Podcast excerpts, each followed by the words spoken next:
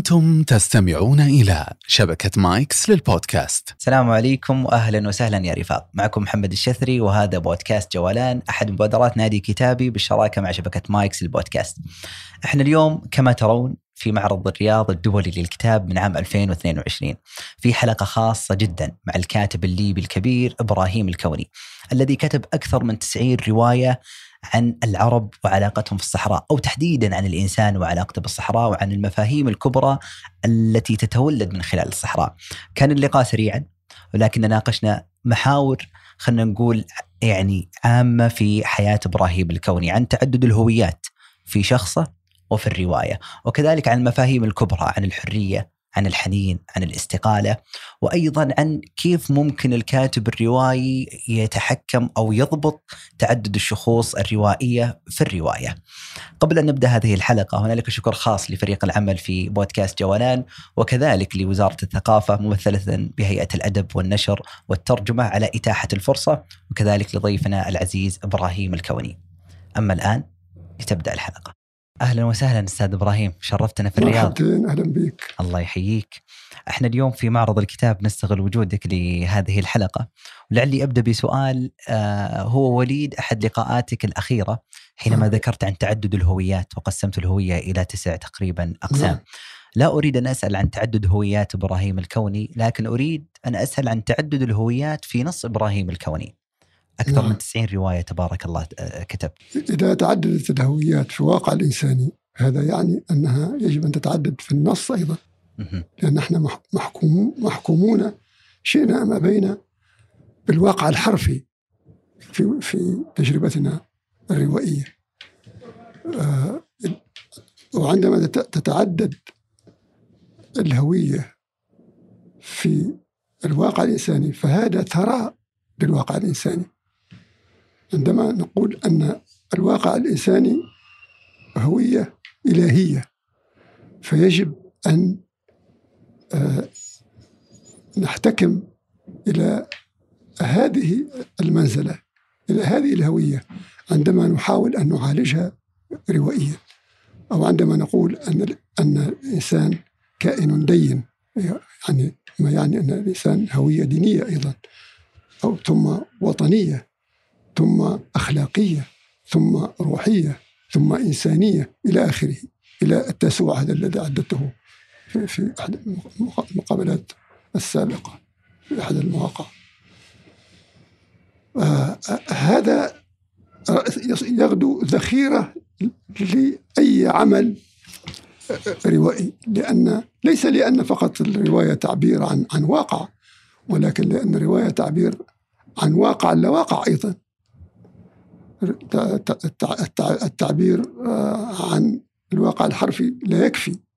هناك دائما التعبير الاستعاري هناك دوما الأنثولة هناك دوما الأسطورة. لأن الأسطورة هي الرأس مال الحقيقي لأي عمل روائي كما علمنا أفلاطون ثم تلميذه أرسطو. بدليل أن كل الأعمال الأدبية الع- العالمية الكبرى مؤثرة. الإلياذة أسطورة آه الأوديسة أسطورة الإنياذة أسطورة ال- دون كيخوت أسطورة على نحو أو آخر.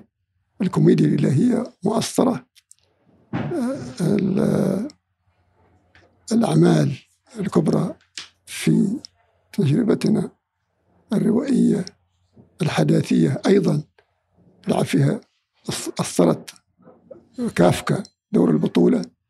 ثم أثرات ثم اسمان ثم ماركيز آخر آخر فرسان الأسطرة في عالمنا.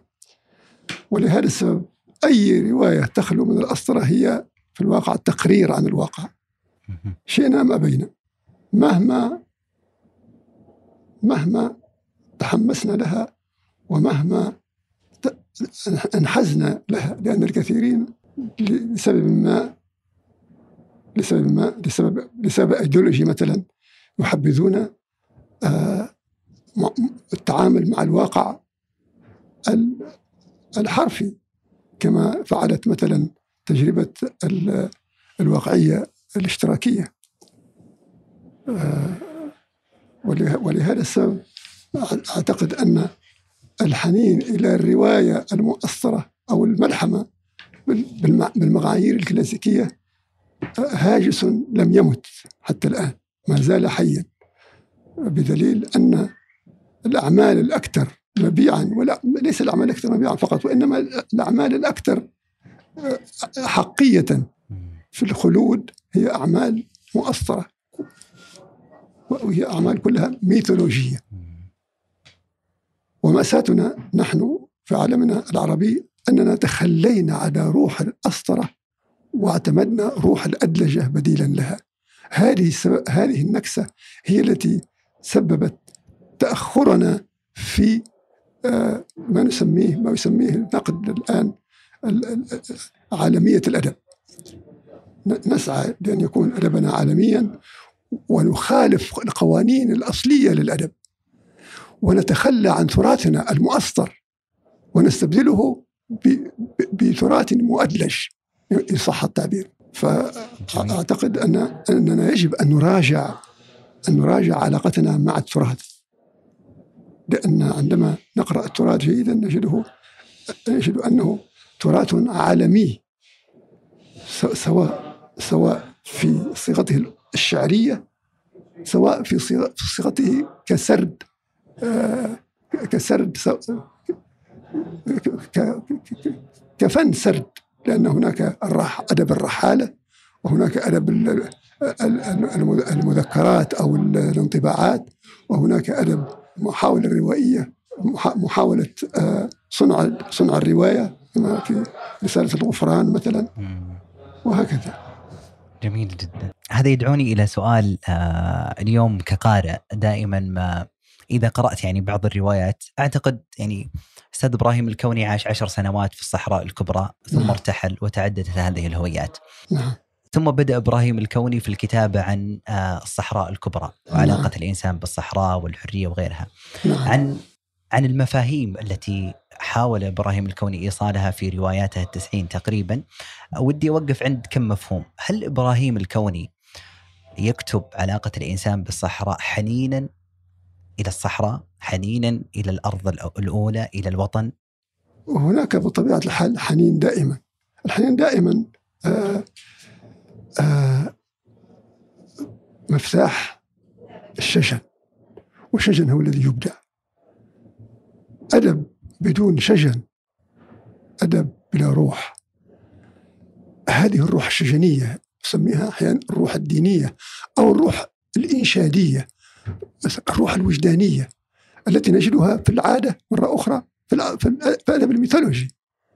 يعني هوميروس هذا لا لا يشهد هذا يغني. يغني ليحيي واقع كامل ليحيي الوجود كله ويدعه يشطح ويسقطه في الوجد ويجعلنا نحن نتفاعل معه ونسقط وجدا أيضا. يعني هذه الحالة الصوفية هي هي هي روح نتاج حنين في الأصل نتاج حنين. والحنين منازل أيضا. الحنين يتطور إلى شجن الشجن إلى شطح إلى إلى, إلى وجد والوجد إلى شطح إلى آخره. فالأدب يعني في في في بعده في في بعده الخالص في بعده النقي هو حالة حنينية شجنية وجدية ووجدانية أيضا.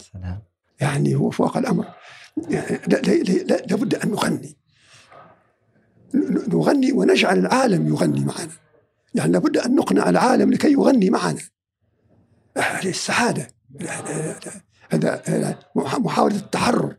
الوجد هذا حرية. حتى بالمفاهيم التصوف الوجد هو- الذوبان في الأعلى في المطلق في الله. ولهذا هو المنزلة المثلى. في في في في في, في الإنشاد في التحرر من الواقع الحرفي. ولهذا السبب يقينا مفهوم الحنين محرك أول ولكن هناك دائما في هذا الحنين يجب أن تكون هناك قضية. لابد أن يكون هناك عهد بينك وبين الواقع. أنا حدث عهد بيني وبين الصحراء في ذلك اليوم الذي أضاعتني في فيه الصحراء وبلعتني الصحراء ثم استعادتني من جديد ورجعتني إلى الواقع الحرفي وقعنا في الوجود الإنساني. في ذلك اليوم حسيت أنها هي التي سكنتني ولم أعد أنا التي أسكنها. من ذلك اليوم أعطتني كخت بلانش أعطتني تفويض بأنني أستطيع أن أهاجر لأن الهجره الهجرة هذه مفتاح سر ال- الحقيقة. أهاجر شريطة أن أبشر بقضيتها برسالتها لأن الصحراء هي الوحيدة التي لم تجد لها مكانا في الأدب العالمي حتى اليوم. والحمد لله الذي مكنني من أن أوفي لها بهذا الدين. أن أقول كلمتها للعالم. والحمد لله اعتمدها العالم أن الآن ما سبب آه، ما سبب هوس أو سبب نجاح أعمالي في ال- في الغرب أو في أو في, في, في, في الشرق وهو ميلاد أدب واقع جديد طبيعة جديده دخلت الأدب العالمي. في, السابق كل كل ركن في الطبيعة كان له دور حتى السماء كان لها دور. البحر ال- ال- المدن الغابات كل الأركان. إلا الصحراء كانت مهمشة ومضطهدة ومستثناة من هذه القسمة. قسمه ظالمه كانت وآمل أن العناية الإلهية قد وفقتني في أن أعيد لها الاعتبار الذي حجبه عنها العالم طويلا طويلا طويلا. هذا العهد يغدو هاجس. هذا الهاجس هو آه هو راس مال الابداع هذا هذا الهاجس أن طوال الوقت آه، سيف مسلط على رقبتك أنك لابد أن تذكر العهد تذكر العهد تذكر العهد. ولهذا السبب يستطيع الإنسان أن يكتب بلا توقف. لأن هنا يحيا العهد. والعهد هذا دين. ولهذا لاحظ كلمة دين هي نفسها كلمة دين. ولهذا السبب الدين دين والدين دين أيضا. لاحظ. يت- يتماهيان. هذان المفهومان يتماهيان. في اللغة العربية بالذات. هذه اللغة اللغة العب- العبقرية التي كثيرا ما تسمي الاسياء الأسماء بأسمائها بنفس و- ومع تعديل خفيف في الرص الشدة الحركات مثلا. في الحركات. ف- ولهذا السبب الحنين مفتاح سر مفتاح مفتاح الذي يفتح الطلسم. يا سلام جميل. آه علاقة آه، إبراهيم الكوني بالصحراء ولدت عنده أشياء كثيرة. آه خو خلينا نقول أعطتك أشياء لم تكن تمت- تمتلكها ووجدناها في رواياتك. منها مفهوم آه التخلي أو الاستقالة مثلا. نعم. هل الصحراء أعطتك هذه القدرة أنك تستطيع أن تتخذ قرار الاستقالة دون أن تتردد؟ بطبيعة الحال مسألة ما معنى الاستقالة؟ الاستقالة معناها الحرية. والحرية أيضا منازل. الحرية أيضا درجات. تبدأ بطبيعة الحال بالزهد. المرحلة الثانية بالتخلي. المرحلة الثالثة بالتجلي. المرحلة الرابعة أو الخامسة بالسكينة. السكينة. الإنسان الذي يعاني السك- السكينة ليس ساكنا. هو هو بالعكس هو اجتاز كل برازخ ال- ال- الحركة. هو هو في المعراج الأخير. ولهذا السبب يستطيع ي- أن ي- يتخذ القرار الذي يشاء. لأنه حر. ب- بمعناها الأسمى. هو- ولهذا يستطيع أن يتخذ هو هو ميت. هناك يستوي الحياة والموت. هناك لا موجود للموت. هناك لا وجود للموت. لأن الروح هناك هي التي تتولى الأمر وهي التي تتحكم. الروح خالدة. لكن الجسد الفاني هذا مسألة أخرى. لأن أمات في نفسه هذا الجسد الفاني وأحيا دوما الروح في, في, نفسه ليبلغ هذه المنزلة. وتقنيات اليوغا في الهند القديمة تعلمنا نفس نفس التجربة. هي أيضا هي أيضا منازل. هي أيضا معراج. إلى الدرجة التي يبلغ فيها الإنسان أن لا يحس الجسد نهائيا يستطيع أن يدخل يخطو في النار يخطو في الجمر يضرب بالمسامير ولا ولا يستشعر شيئا لأن الروح فيه تتجلى الروح هي في منزلة أخرى. هي هذه أيضا تقني تقنيات وتحتاج إلى إرادة طبعا. تحتاج إلى الروح الرسالية. أنك أنت تفعل ذلك بسبيل الحرية بسبيل أن تغير ما بنفسك. لكي تستطيع أن تغير العالم بالتالي لعلي أسأل سؤال تقني في الرواية نعم. وخاصة يعني قد تكون نصيحة إلى الشبان الذين يريدون أن يكتبون بالرواية. نعم. اليوم أكبر هاجس أو أكبر يعني مأ- مأزق نقع فيه هو مسألة إنه في فكرة أريد كتابتها. نعم. ثم أتفاجأ في في منتصف الرواية تعددت الأفكار، تعددت شخصيات الرواية، نعم. هذا الكم من الروايات التي الذي التي كتبها إبراهيم الكوني، نعم. كيف باستطاعة الكاتب أن يسيطر على شخوص الرواية، أن يسيطر على الفكرة نعم. حتى يظهرها بشكلها نعم. النهائي؟ هذه هذه علم. در- درسته طويلا ولم أكتفي.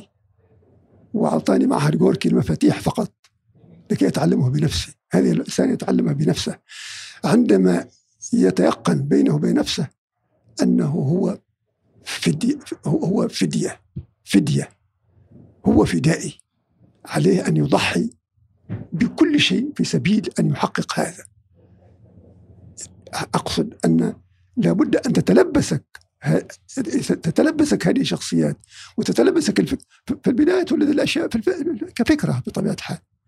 الفكرة تحتاج إلى تقنيات لكي تحولها إلى موضوع. اذا تحتاج إلى خطة ترسم الخطه ترسم الخطه اللي فيها بطبيعة الحال مسا... مسار مسار هذا الإنسان لأن يعني المصير النهائي مرتبط بهذه المسارات مم. أنت الآن ه- ه- هنا تخلق تخلق عالما خاصا بك. لابد أن تكون في بصمتك فيه أنفاسك فيه روحك ولا بد أن تبرهن أنك أنت ج- جدير بهذا. هذا يعني أنك ستعدد في البداية الشخصيات الرئيسية وال- والمواقف الرئيسية. ثم فيما بعد تتفرع هذه الأشياء عن كنوز بطبيعة الحال. يجب تكون يقظ ويجب انت تكون تري مفتوح على العالم أنت مفتوح على الوجود. أنت لازم تتحول أنت بذاتك إلى وجود. بحيث رحب وشاسع ولا نهائي بحيث تستقبل هؤلاء جميعا. لأنك ستتقمص جميع هذه الشخصيات وتعانيها وتعاني عناها وتقتل مرارا لأن في اللي يموتوا وأنت تموت في هذه اللحظة لأنك أنت متقمص هذه الشخصيات. صح. هذا كله يصنع الدراما. أما ما يأتي في التفاصيل يأتي في التفاصيل أيضا يجب أن تنتبه هناك تفاصيل في غاية الأهمية لأن فوق الأمر في البداية ترسم في خطه في خطه هيكل هيكل. هذا الهيكل سيمتلي تاليا بشجاعتك سيمتلي تلقائيا. هذا هو الإلهام سيأتي. وكل شخصية تنتبه لابد أن تعطيها حقها. وتعطي كل شيء في خلال السرد حقه لأن كل شيء يريد أن يقول كلمته. حتى الجمال حتى النبتة حتى لهذا السبب تلاحظ أن الشخصيات الشخصيات عندي أحيانا نب- نبات. أحيانا جمل حيوان أحيانا. لأن كل شيء في الوجود يريد أن يقول كلمته لأنه يقول أنا موجود أيضا لماذا تهملني؟ بأي حق. حتى الحجر هناك يتكلم. كل يعني يجب أن تضع في اعتبارك أن كل شيء أنت أنت مخول مش مخول أنت ملزم بأن تعطيه حقه. وهذه مسؤولية. واحيانا هؤلاء هم الذين ينقذون النص أكثر مما كنت تتوقع أنت. تحدث مفاجآت لا تتوقعها. بمدى إخلاصك للنص يخلص لك النص. بمدى إخلاصك للوجود يخلص لك الوجود. بمدى إيمانك بالله يخلص لك الله. يا سلام. جميل. عظيم جدا. آه أي هل آه، تبي نسأل سؤال ولا انتهينا؟ ودك. آه، آه، يعني أنا جاني سؤال الآن. آه ودي أسأل هل نحن العرب تحديدا مقصرين تجاه الصحراء؟ نحن مش مقصرين تجاه الصحراء فقط نحن أجرمنا في حق الصحراء. لأن الصحراء قدمت لنا ما لم تقدمه أي طبيعة أخرى أي ركن في الطبيعة. قدمت لنا الثروات الطبيعية وقدمت لنا الثروات الروحية. معا الثروات الروحية النبوءة. وكل المصلحين العظماء كانوا م- أهل صحراء وقدمت لنا قدمت لنا الحرية قدمت لنا الهجرة قدمت لنا النبوة. وقدمت لنا الثروات الطبيعية. كل الثروات الطبيعية العالم اليوم يتغذى من الصحراء. كل الطاقة طالعة من الصحراء سواء الغاز سواء النفط الصراع الذي يحدث في العالم اليوم كله في سبيل قطرات النفط. العرب لا يدركون ذلك. العر- العرب يجب اليوم أن يعيدوا مراجعة أنفسهم في العلاقة مع الصحراء لأنها لم تبخل عليهم بشيء. هم الذين بخلوا عليها بأن استثمروا فيها فقط جانب واحد بسيط فقط الجانب المادي. أما الجانب وأهملوا الجانب الروحي الذي كان السبب. السبب هو هو الثروة الروحية التي أهدتها لنا الصحراء. وثم أجرمنا نحو. في البدء كان الصحراء. في البدء كان الصحراء. جميل. مش في البدء كان الكلمة. الكلمة. في البدء كان الصحراء. عجيب. الصحراء هي اللي أنتجت العالم. لأن القبلية البشرية في البداية كانت تسرح في الصحراء في أرض الله الواسعة. جميل. ولهذا السبب الصحراء قيمة يعني يجب أن ننظر لها كقيمة وليس فقط يعني ك ك ك كثروة كثروة مادية. يعني استثمرنا فيها الثروات المادية لكننا لم نستثمر فيها الثروات الروحية. قضية الأسرة التي تحدثنا عنها إحنا إحنا نزعنا منها الميثولوجيا. أكبر راس مال في الصحراء هو الميثولوجيا ومشكلتنا يعني سر فشلنا ادبيا انتكاستنا الأدبية أننا همشنا الميثولوجيا أو في الواقع الغناها من واقعنا الثقافي بعد أن كانت رأس مال واقعنا الثقافي في يوم من الأيام في العربي الكلاسيكي وكله مؤسطر كلها ميثولوجي. استثمر الغرب هذه الميثولوجيا حتى اليوم واعجزنا إحنا أصحابها ان ان ان, أن نستثمرها. جميل. فإحنا أغنياء يعني الصحراء قدمت لنا كل الثروات. إحنا اذا مقصرين في حق أنفسنا وفي حقها أيضا. جميل يعطيك العافية أستاذ إبراهيم الكوني تعبناك معنا اليوم لا معلش في آخر اليوم لا لا معلش أنا جدا سعيد بوجودي في رحابكم لأن هذه صحرائي وهذا وطني وأنتم بالعكس أعدتوني له في حين فقدته في أرضي فقدته في الصحراء الكبرى التي أصبحت مسرحا للمغامرين ولل وللإرهابيين وما إلى ذلك. لكن عن نستعيدها أيضا إن شاء الله. بإذن الله. يعطيك العافية. شكرا للسامعين والرائين الوصول إلى هذه المرحلة. لا تنسون الاشتراك ومشاهدة الحلقة ومشاركة الحلقة لمن يهمه الأمر. وفي أمان الله.